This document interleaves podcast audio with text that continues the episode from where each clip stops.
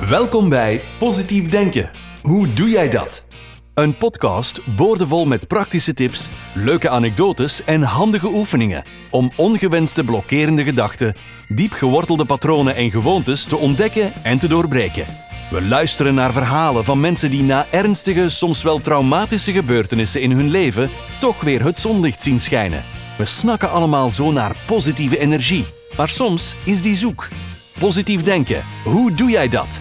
Hier is jullie host, Sylvie Dutois.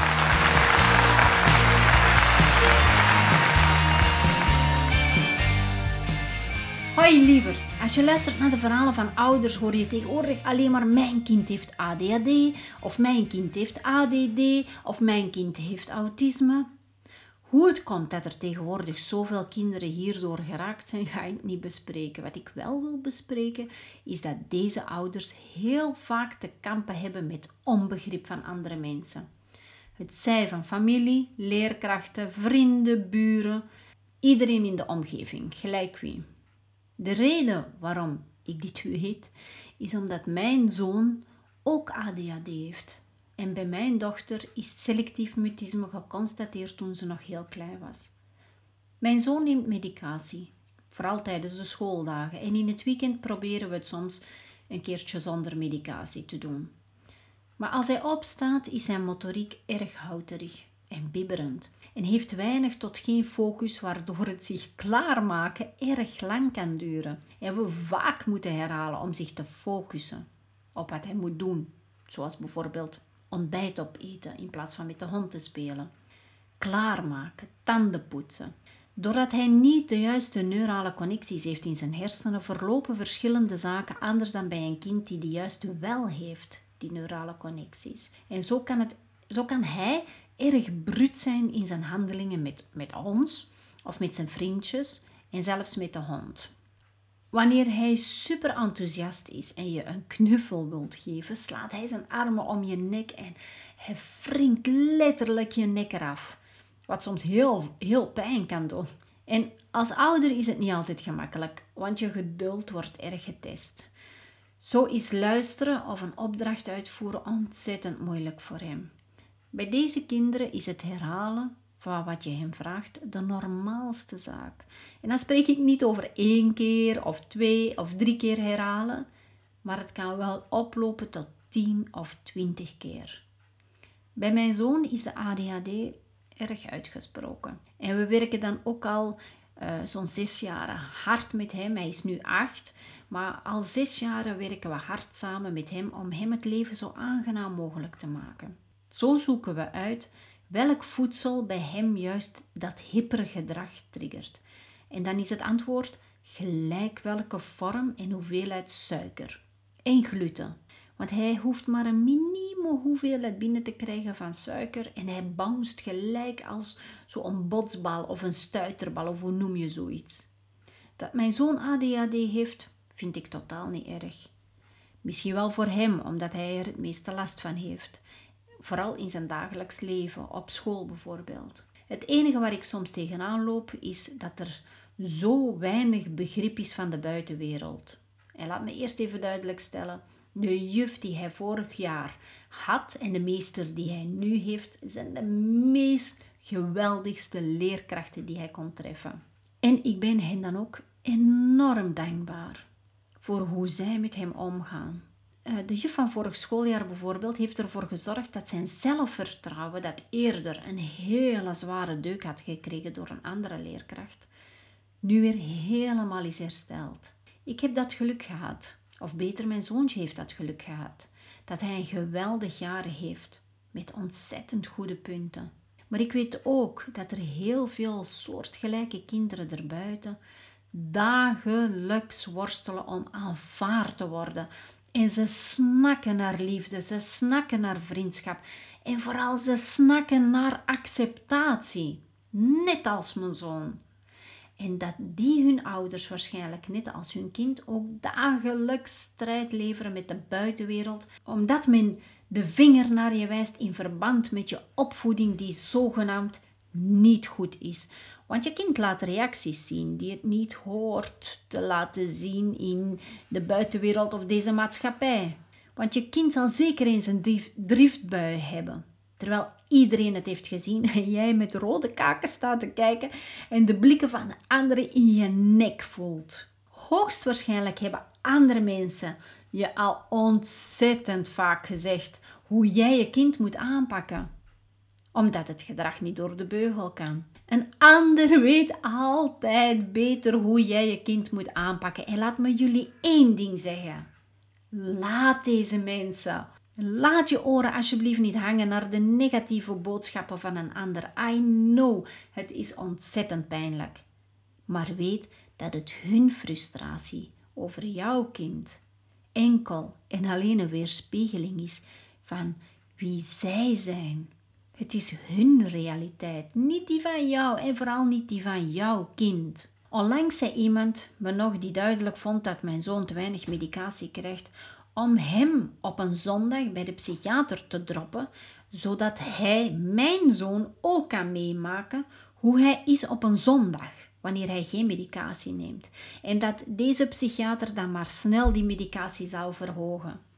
Terwijl deze persoon vanwege zijn beroep heel goed weet dat mijn jongen er niks aan kan doen. In eerste instantie komt mijn fanatieke leeuwenmoedergevoel naar boven. Maar al gauw heb ik medelijden met deze mensen. Het is altijd gemakkelijker een ander te veroordelen en te beoordelen dan zelf even in de spiegel te kijken. Weet je, mensen zien maar een fractie van het gedrag van jouw kind. En ze beoordelen gelijk het kind evenals de ouder. Ik heb geleerd om niet naar anderen te luisteren toen men mij aan het pushen was, om, omdat mijn dochter toen ze klein was niet sprak tegen volwassenen. Mijn dochter, uh, bij mijn dochter was selectief mutisme geconstateerd. En als je dat niet kent, komt dat ja, nogal vrij onbeschoft over. Allee, van, zeiden de mensen tegen me. Want het gaat geen woord tegen je zeggen. Het gaat je niet groeten. Het zegt niks tegen je. Zo heeft mijn dochter haar eerste kleuterschool niet één woord. Hoor goed wat ik zeg. Ze heeft niet één woord het hele schooljaar tegen de juf gezegd. En net zoals bij mijn zoon weet iedereen het beter hoe je zo'n kind moet opvoeden. Want je moet ze pushen of je moet ze dwingen om te praten. In het begin luisterde ik wel naar die mensen.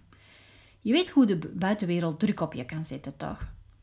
Maar dit gaf voor mij een heel negatief gevolg. Mijn dochter werd vreselijk gefrustreerd en ik frustreerde nog harder omdat anderen me, omdat anderen me juist begonnen te frustreren. Het was eigenlijk een hele vicieuze cirkel. Tot het moment dat ze denk ik drie of vier jaar oud was, dat ik er helemaal klaar mee was. Normaal ben ik niet iemand die als slaaf van de maatschappij haar oren laat hangen naar wat anderen je opdringen. Maar ze was mijn eerste kind en ik was in mijn ogen nogal onervaren met kinderen, dus hier had ik dat wel gedaan, want ik dacht dat de anderen het beter wisten hoe ik mijn kind moest opvoeden. Maar ik voelde me er uiteindelijk bar slecht bij. Op het moment dat ik tot inkeer kwam en tot het besef kwam dat mijn dochter juist alleen liefde begrip en respect nodig had, werd ik de stem voor haar. Want zij had geen stem, ze sprak niet. Dus ik begon te spreken voor haar. En zoveel mensen zeiden me dat het verkeerd was, omdat zij het moest leren. Zij moest leren praten, zij moest leren groeten. En zij moest leren om voor zich op te komen. Maar die woorden van anderen, die gingen het ene oor in en kwamen het andere oor er heel snel uit. Serella is ondertussen tien jaar en durft al veel meer tegen mensen praten in vergelijking met toen ze nog zo klein was. En dit komt omdat ik van kleins af, zodra ze mijn hulp inroepte, dan was ik er voor haar. En ik trok me totaal niks aan van wat andere mensen tegen me zeiden of wat ze dachten. En net zoals ik er voor haar ben, ben ik er ook voor haar broertje. Deze kinderen hebben geen harde aanpak nodig. Deze kinderen hebben begrip nodig, medeleven, empathie, liefde. Daarom mijn oproep naar alle ouders die zo'n bijzonder kind hebben, net zoals mijn twee kids. En voor de buitenwereld hebben ze een stempel, oké. Maar voor ons zijn ze heel speciaal. Ik ben ervan overtuigd dat deze kinderen ons hebben gekozen als ouder voor een heel bijzondere reden. Mijn kinderen hebben mij gekozen als moeder omdat ze weten dat ik voor ze opkom. Ze elke dag zeggen hoe geweldig ze zijn en elke dag zeg ik hoeveel ik van ze hou. Ze weten bijvoorbeeld ook heel goed dat als ik een keertje boos ben, dat ik nog steeds ontzettend van ze hou. Want dat heb ik hen verteld. Uh, kijk, als mama een keertje boos is, moet je weten dat mama nog steeds ontzettend veel van je houdt. Dat is belangrijk voor die kinderen. Maar mijn kinderen hebben me gekozen omdat ze me ook die spiegel voorhouden, zodat ik dagelijks aan mezelf kan werken. Als jij als ouder ook veel kritiek krijgt over je kind en je hebt het gevoel dat men je kind niet aanvaardt, stuur deze mensen liefde. Stuur deze mensen begrip. Zegen ze hiermee. Maar laat, alsjeblieft, laat je alsjeblieft niet gek maken en uit balans brengen, omdat zij zeggen dat je kind op een manier uh, reageert dat bijvoorbeeld niet hoort. Reageer niet als een slachtoffer. Maar own de situatie. Wanneer jij je als slachtoffer opstelt, reageer jij vanwege je ego. Probeer je ego gewoon aan de kant te schuiven. Mensen doen de hele tijd dingen met je, je hele leven lang. Je gaat ze altijd tegenkomen. Mensen die iets naars tegen je zeggen of tegen je doen. Maar het is niet wat de mensen je aandoen, het is hoe je reageert op wat ze je aandoen. Dat maakt het verschil tussen volledig functionerend of het slachtoffer spelen. En zo is het leven nu eenmaal. Alles hangt af van hoe je het verwerkt, wat je ermee doet. Dat is het hele verschil in het leven. Als je je rot voelt als er slechte dingen gebeuren, als dat de kwaliteit van je leven gaat verbeteren, zou ik zeggen: maar voel je maar slecht, voel je maar rot. Dat is oké. Maar dat gaat het niet, daar gaat het niet om.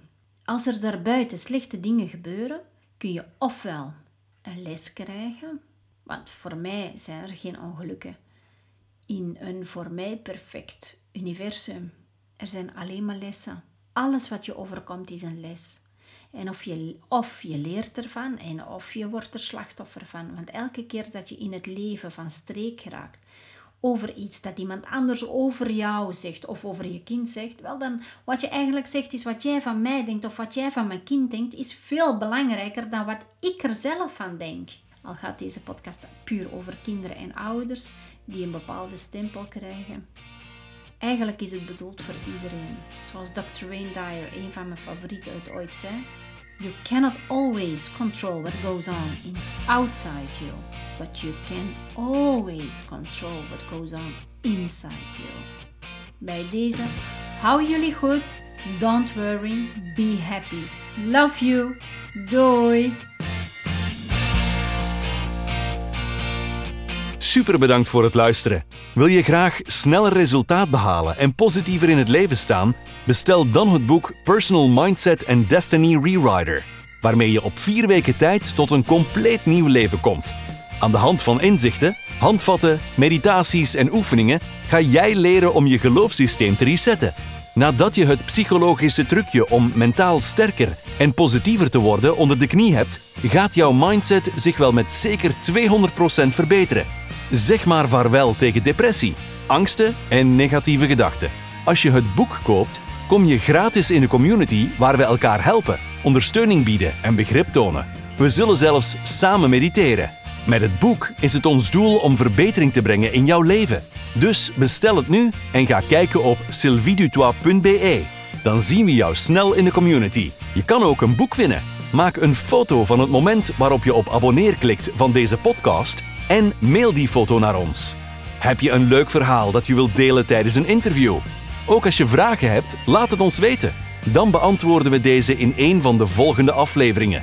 Stuur dan een mailtje naar podcast@sylviedutois.be. Vergeet niet onze Facebookpagina en Instagram te liken en je te abonneren op onze podcast in je favoriete luisterapp, zodat je niets hoeft te missen. En luister je via de podcast-app van Apple? Laat dan ook een review achter. Zo help je de podcast nog meer onder de aandacht te brengen. Heb een fijne en liefdevolle dag. En positief denken. Hoe doe jij dat? Laat het ons weten. Tot de volgende keer. Dag.